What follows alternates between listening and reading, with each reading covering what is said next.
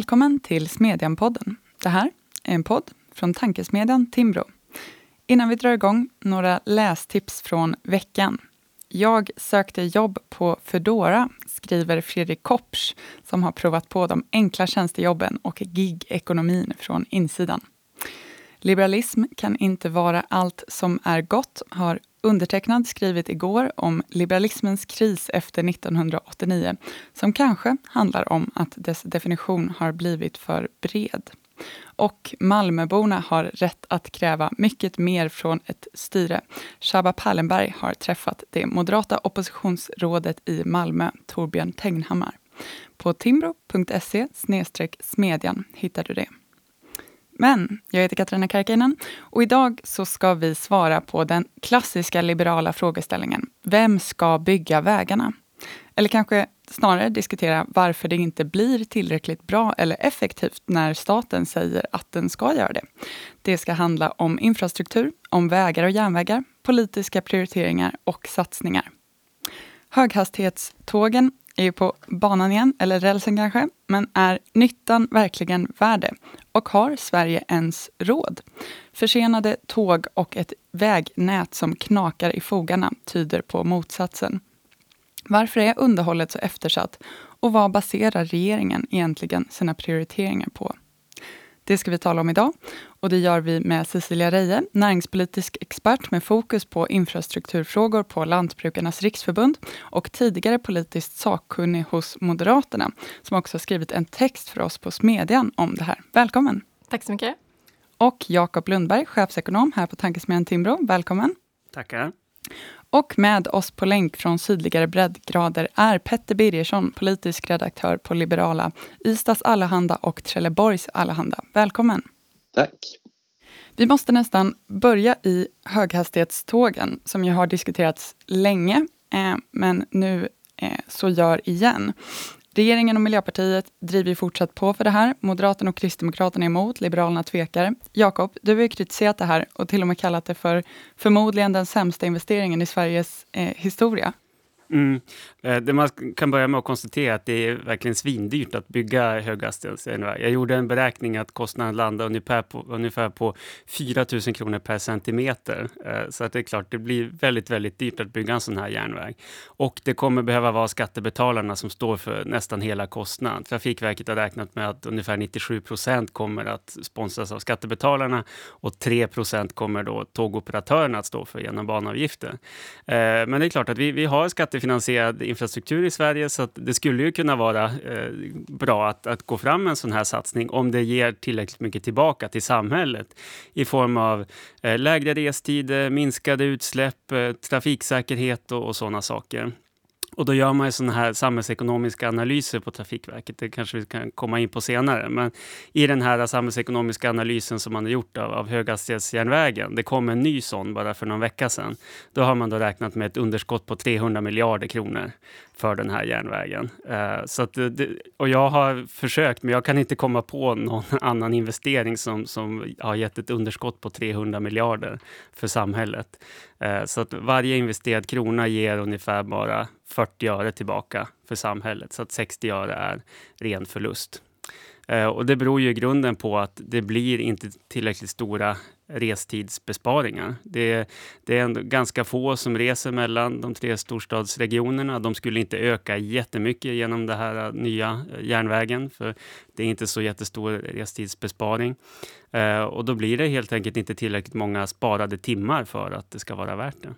Hur bedömer man samhällsnyttan när man gör sådana här kalkyler? Går det att säga något om det? Ja, alltså den allra största posten i, i de här äh, kalkylerna, det är antalet äh, resta timmar, eller hur många timmar man, man sparar in helt enkelt. Det, det är det som, som infrastruktur handlar om i, i grunden. Och det som trafikforskarna säger då, att Sverige har en väldigt väl utbyggd infrastruktur. Det finns väldigt mycket vägar och järnvägar. Så att om man bygger en järnväg till så kommer det egentligen på det stora hela att vara en ganska marginell ökning av liksom stocken av infra, infrastruktur. Så att det som framförallt blir effekten om man bygger en ny väg eller järnväg, till exempel mellan Stockholm och Göteborg, det är att de som redan idag reser mellan Stockholm och Göteborg kommer få en snabbare resa. Uh, och de är alltså inte tillräckligt många för att det ska vara värt det att bygga en, en järnväg för, för flera hundra miljarder. Och man får en restidsbesparing på om det är en, en timme eller en och en halv timme eller något sånt där.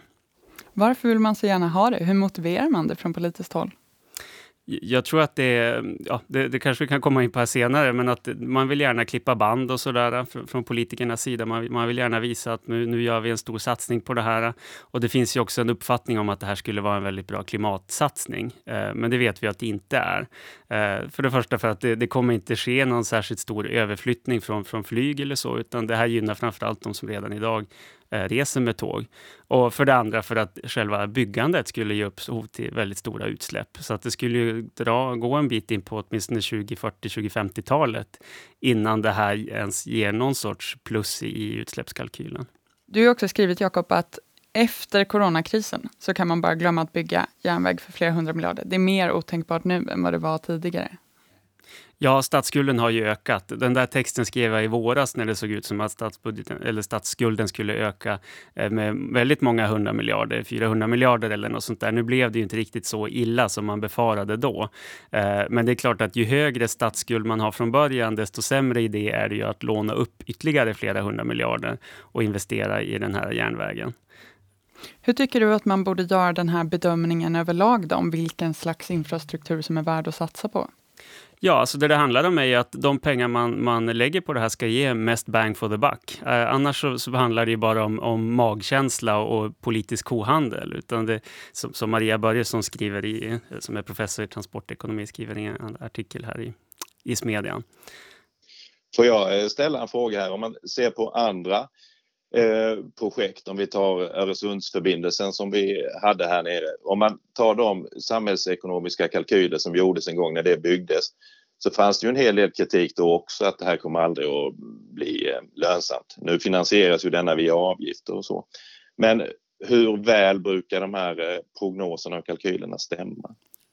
Alltså det finns ju alltid en osäkerhet i, i de här kalkylerna. Och, och, det är klart att oftast så, så visar det sig att man har väl varit lite väl optimistisk när det gäller hur många som ska vara resa, resa på de här äh, nya vägarna och järnvägarna. Och som jag har förstått forskningen så är det kanske framför allt på järnvägssatsningar där man väljer att vara lite väl optimistisk och det visar sig i efterhand att man har, har ähm, äh, dragit över lite grann. Men denna investeringen i en höghastighetsjärnväg, det måste egentligen ställas emot, har vi ett behov av eh, nya stambanor överhuvudtaget? Eh, mm. Eller räcker det med att vi bygger bort eh, flaskhalsar där eh, de finns? Är det det som är det alternativet? Regionalt är det ofta det man efterfrågar. Dels bort med flaskhalsar, nya dubbelspår och att mindre städer ska få förbindelser som fungerar bättre. Mm, mm. Det kan nog vara mer, mer effektivt. Vi ska komma in lite på det, för Cecilia, du har skrivit en text för oss på Smedjan som heter Bygg inte en tunnel genom Skuldberget. Det handlar ju inte specifikt om höghastighetståg alls, men för den här bredare frågan. Sverige har inte råd att prioritera nysatsningar på infrastruktur, skriver du. Hur kommer det sig?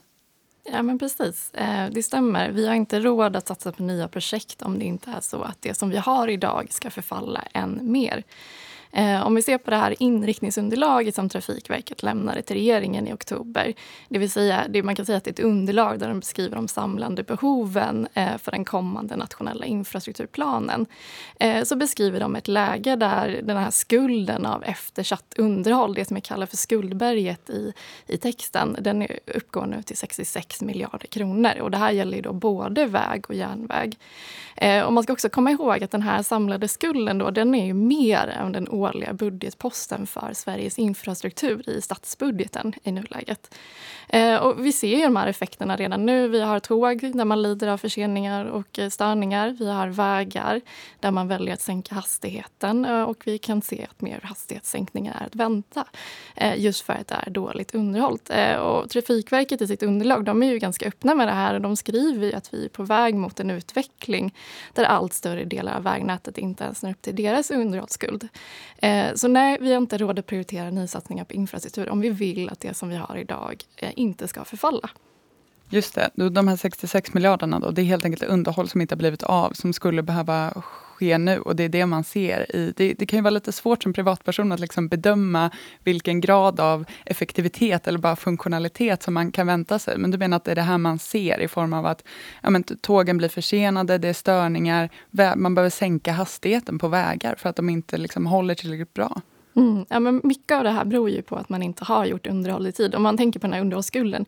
Det här kanske är underhållsåtgärder som skulle behövt gjort för kanske 10 till 20 år sedan. Eh, men där man har valt att vänta med det för att det inte funnits pengar i budgeten. Eh, och problemet med den här siffran det är att det blir dyrare över tid. Eh, det är mycket mer effektivt att göra underhåll idag än att vänta med att någonting går sönder eh, för att sedan eh, åtgärda det i efterhand. Eh, och det är helt enkelt den situationen vi sitter i.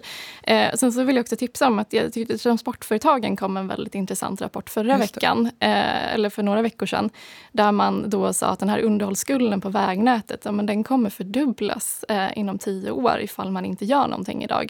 Eh, och det är ju då trots att till exempel nio av tio transporter går på väg. Så att vi är ju på väg mot en utveckling eh, som inte håller längre.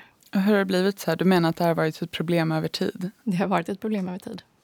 För du skriver om den här fyrstegsprincipen som skulle ha varit vägledande för beslut på infrastrukturområdet i ja, men de senaste 20 åren. Vad, vad innebär den? Ja, men precis. Man kan säga kortfattat så kan man säga att den här principen går ut på att eh, i första två stegen så ska man då eh, använda väg eller järnväg som finns befintligt på ett mer effektivt sätt. Eh, det tredje är att man då ska bygga om eh, och det sista då, det här fjärde alternativet, det är att man ska bygga nytt.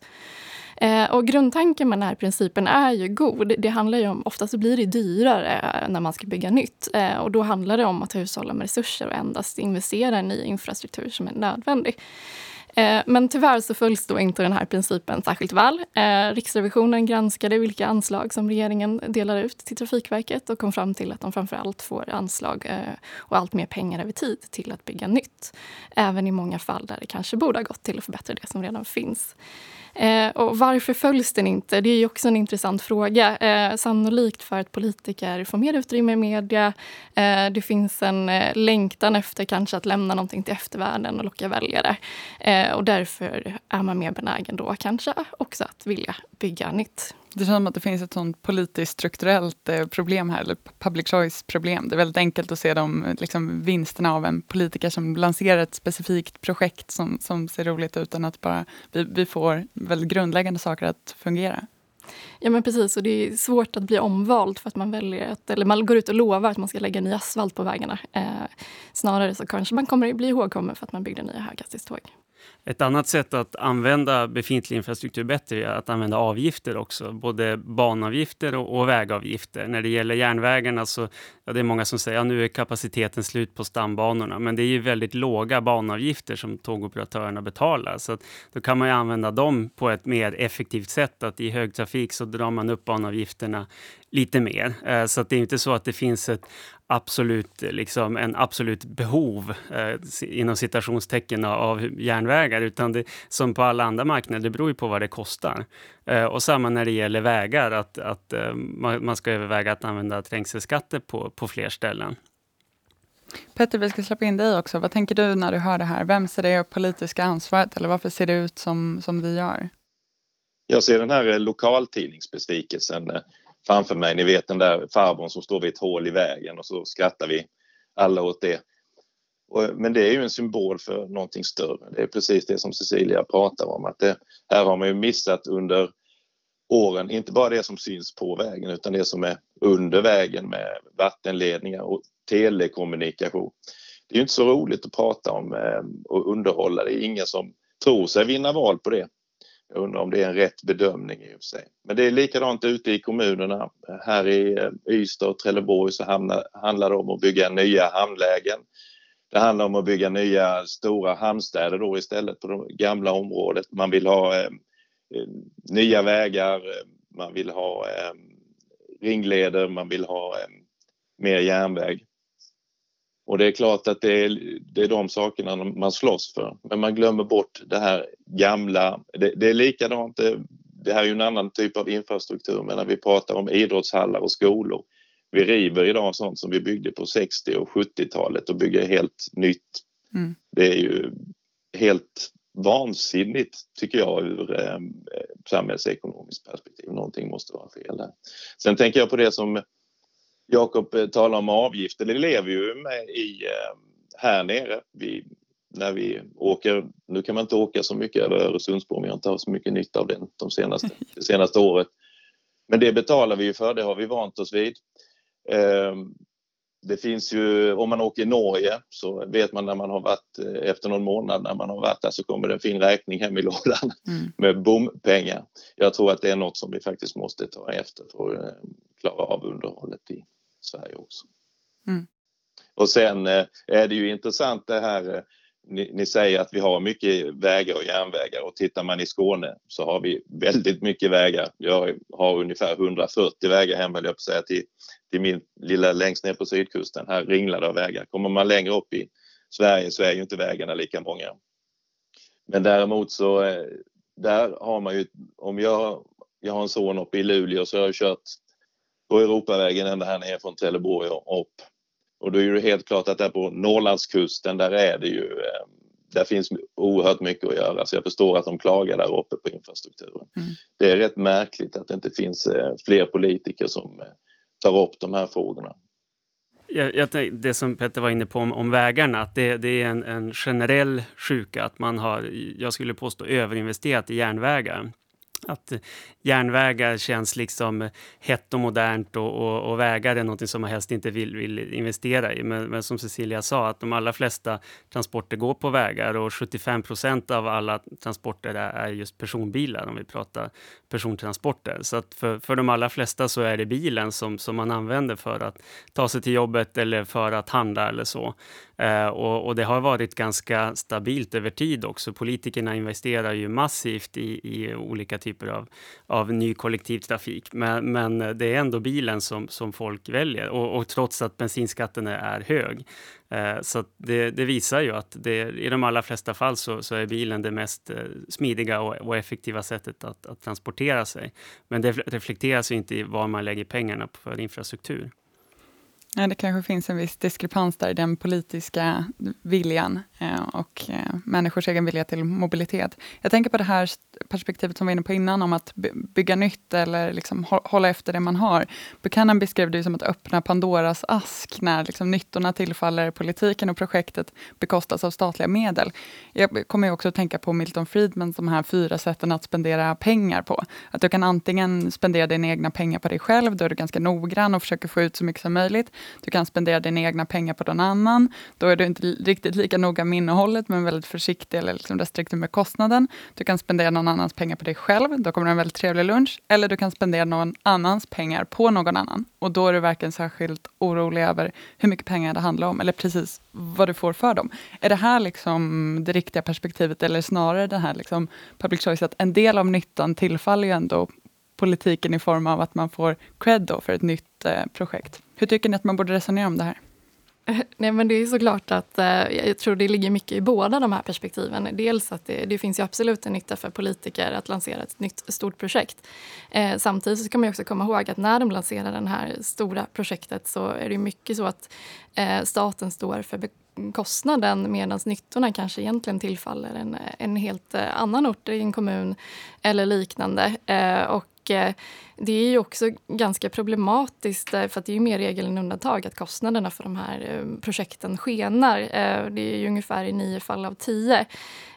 Och mitt favoritexempel på, på hur det kan gå fel här det är ju exempelvis Hallandsåstunneln som Ingvar Carlssons regering presenterade 1991. Eh, och när det här projektet då eh, lanserades så var alla väldigt glada. Eh, det skulle bli snabbare tåg på Västkustbanan.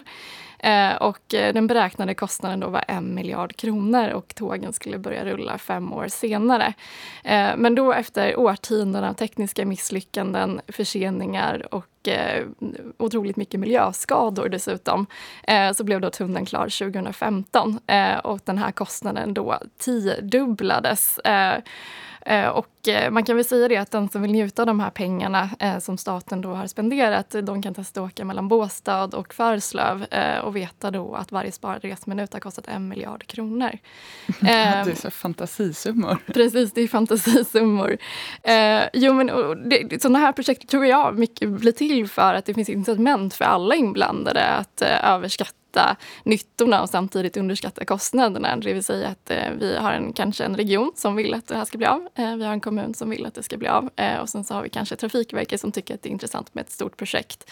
Eh, och sen så har vi då en politiker eh, som eh, var då vald för kanske 25 år sedan eh, som står i bakgrunden. Mm. Eh, så det finns mycket problematik med det. Hur kommer det sig då att man eh, överskattar kostnaden och underskattar nyttan av att ta hand om det man har? Är det mediernas fel för att vi är dåliga på att bevaka det eller är det rent att inte locka väljare eller är det bara förbiseende?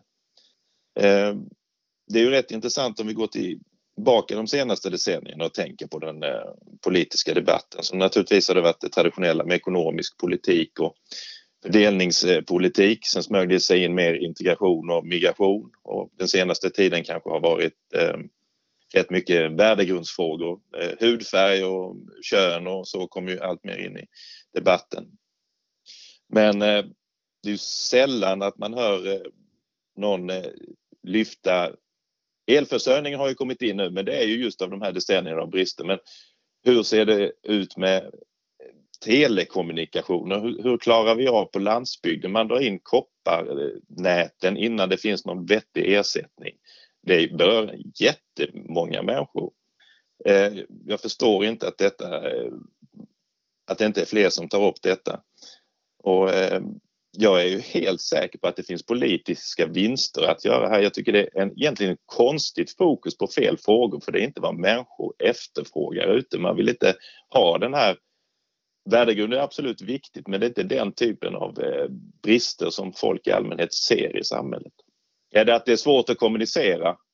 Um, men jag, jag håller med om mycket det Petter säger. Att jag tror att det är ganska svårt för gemene man att uh, Ehm, att förstå var, var liksom, varför har det blivit så här. Och Jag tror också att det är ganska svårt eh, för någon som inte bevakar infrastrukturpolitiken att se att eh, att man lägger för lite pengar på underhållet. Att det är det som har gett den här effekten. Att det är därför man har den här potthålen i vägen där man bor. Och jag tror att för personer som bor på landsbygden så är det här ganska självklart. Eh, man ser effekterna varje dag. Men jag tror också att de som kanske mångt och mycket bevakar eh, politiken och infrastrukturfrågorna, för dem är nog effekterna kanske inte lika klara. Eh, så jag håller med om det, Petter. Nej, jag tror att det här väldigt mycket blir ett ytterligare exempel på liksom en, en regering som hellre lanserar nya spännande projekt än att sköta grundläggande uppgifter. Nu finns det ju en som särskild spännvidd precis den här mandatperioden med tanke på januariavtalet och att det är väldigt liksom spridda viljor som ska samsas och alla, alla ska ha sitt att visa upp för sina egna väljare. Men jag misstänker att vi liksom framöver kommer ha mycket mer av en debatt som handlar om eh, helt grundläggande samhällsuppgifter. Jag tänker på, eh, apropå det här med projekt som går över budget. Erik Lackoma från Handelshögskolan har ju skrivit för oss om det här också, men om liksom offentliga byggprojekt som nästan alltid går över budget. Och han argumenterar ju för att det också är rationellt och liksom i enlighet med incitamenten eftersom politiker vet att de måste göra glädjekalkyler för att få igenom vissa av de här projekten och att alla inblandade också vet att kostnadsöverdragningar leder till mer pengar, inte till att liksom projekten avbryts i, i, i regel. Gäller det här den här sektorn också tror ni? Ja, absolut. Eh, och höghastighetstågen är väl ett exempel på det. Alltså, att när man drog igång det här, det var ju Alliansen som gjorde det från början och då tror jag att kostnaden var det 130 miljarder eller något sånt där och, och nu är vi uppe i 300 miljarder.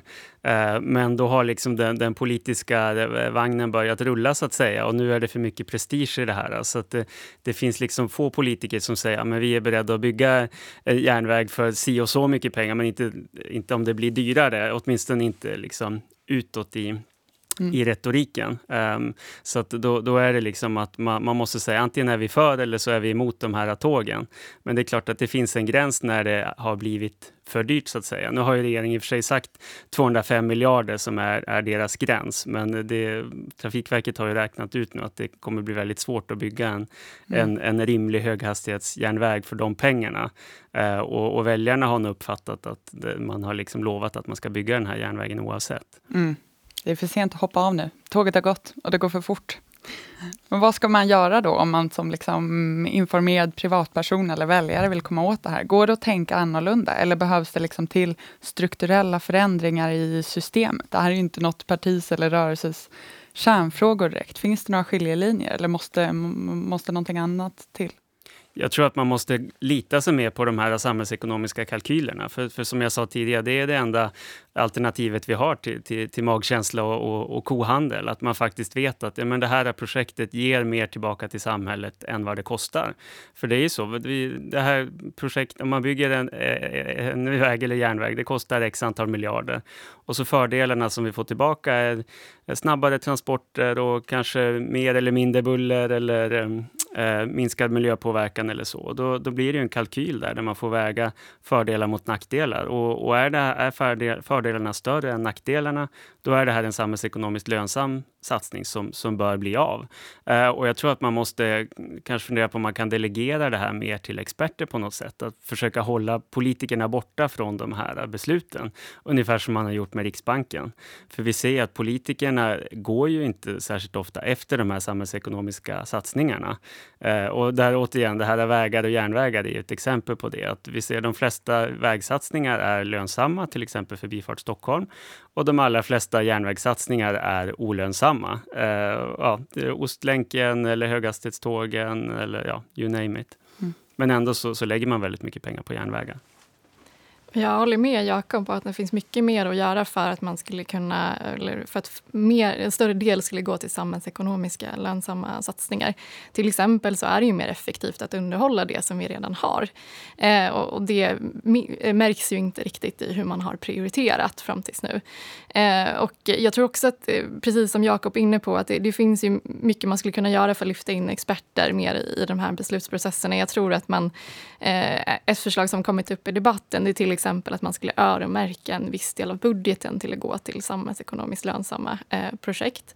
Eller att man till exempel skulle låta en oberoende expertgrupp granska de här eh, investeringarna och säkerställa att det faktiskt är eh, kanske inte prestigen som ligger till grund för dem utan snarare eh, nyttokalkyler.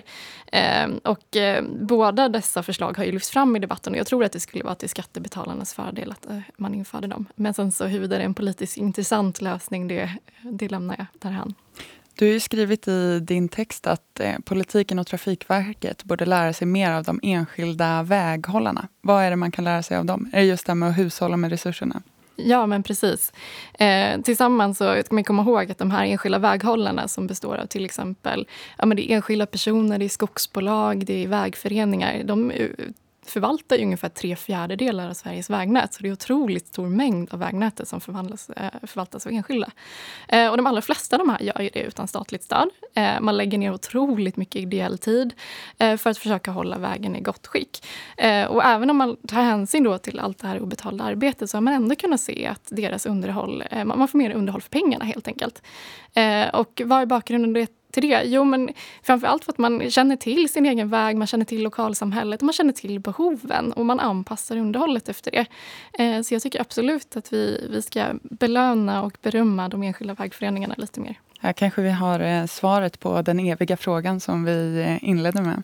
Men vad tror ni kommer hända framöver då, allra avslutningsvis inom det här området? Om vi, om vi släpper önsketänkandet så att säga, kommer vi att få höghastighetståg men fortsatt ha hål i vägarna? Jag tror inte att det kommer bli några höghastighetståg. Ja, för man kommer ju behöva ha en, en, större politisk enighet kring det. Det går liksom inte att trumma igenom 300 miljarder med 51 procents majoritet. Eh, så jag tror att det, det, det, kommer vara ytterligare några smärtsamma år och sen kommer man behöva inse att det här var inte värt det. Och det, det är ju väldigt bra. vi får hoppas att det blir så. Vad säger Petter? Eh, det har gått så lång tid redan nu och eh, det, det, här projektet har hamnat ännu längre i framtiden. Samtidigt är det så att vissa städer har naturligtvis anpassat sig för att detta ska bli av. I, i Lund har man investerat i, också i lägga ner eh, spår i, i marken i en, eh, egentligen enligt samma tänkande att det, vid hållplatserna så ska fastighetsvärdena öka. Det är ju samma princip som man, mm. princip som man tänker sig bakom höghastighetsjärnvägen. Eh, men jag är nog också tveksam till att eh, detta blir av och sen är det ju så att vi har så en enorm mängd andra behov i Sverige, i allt från försvar, eh, mm. polis, eh, ja, you name it. Så att eh, jag tror att detta, jag är tveksam till att det blir av. Cecilia, du får sista ordet. Vad spår du inom infrastrukturen framöver? Jag tror eh, precis som de andra att eh, det finns mycket som talar för att höghastighetstågen kanske inte kommer bli av. Eh, men huruvida man kommer välja att lägga mer pengar på underhåll, det har jag också svårt att se tyvärr. Jag tror att det är mycket som är redan intecknat och mycket luften där ute som ska infrias. Men om jag någonstans får hoppas så hade jag hoppats på det. Att man hade mer långsiktighet, man tog hand om det som fanns och att man hade lite mindre politisering i infrastrukturpolitiken. Det får lov att bli sista ordet för idag och jag får lov att säga varmt tack till våra gäster Cecilia Reje, Petter Birgersson och Jakob Lundberg. Tack också till er som har lyssnat. Om ni tyckte att det här var intressant, se till att också läsa Cecilia Reyes text Bygg inte en tunnel genom skuldberget. Erik Lackomans text, det är Incitamenten Dumbom och förstås Shabba Pallenbergs reportage Kasta inte pengar i sundet som vi publicerade för ett par veckor sedan. Ni hittar alla dem länkade i artikeln för det här avsnittet på timbro.se smedjan. Vi ses där och hörs igen här om en vecka.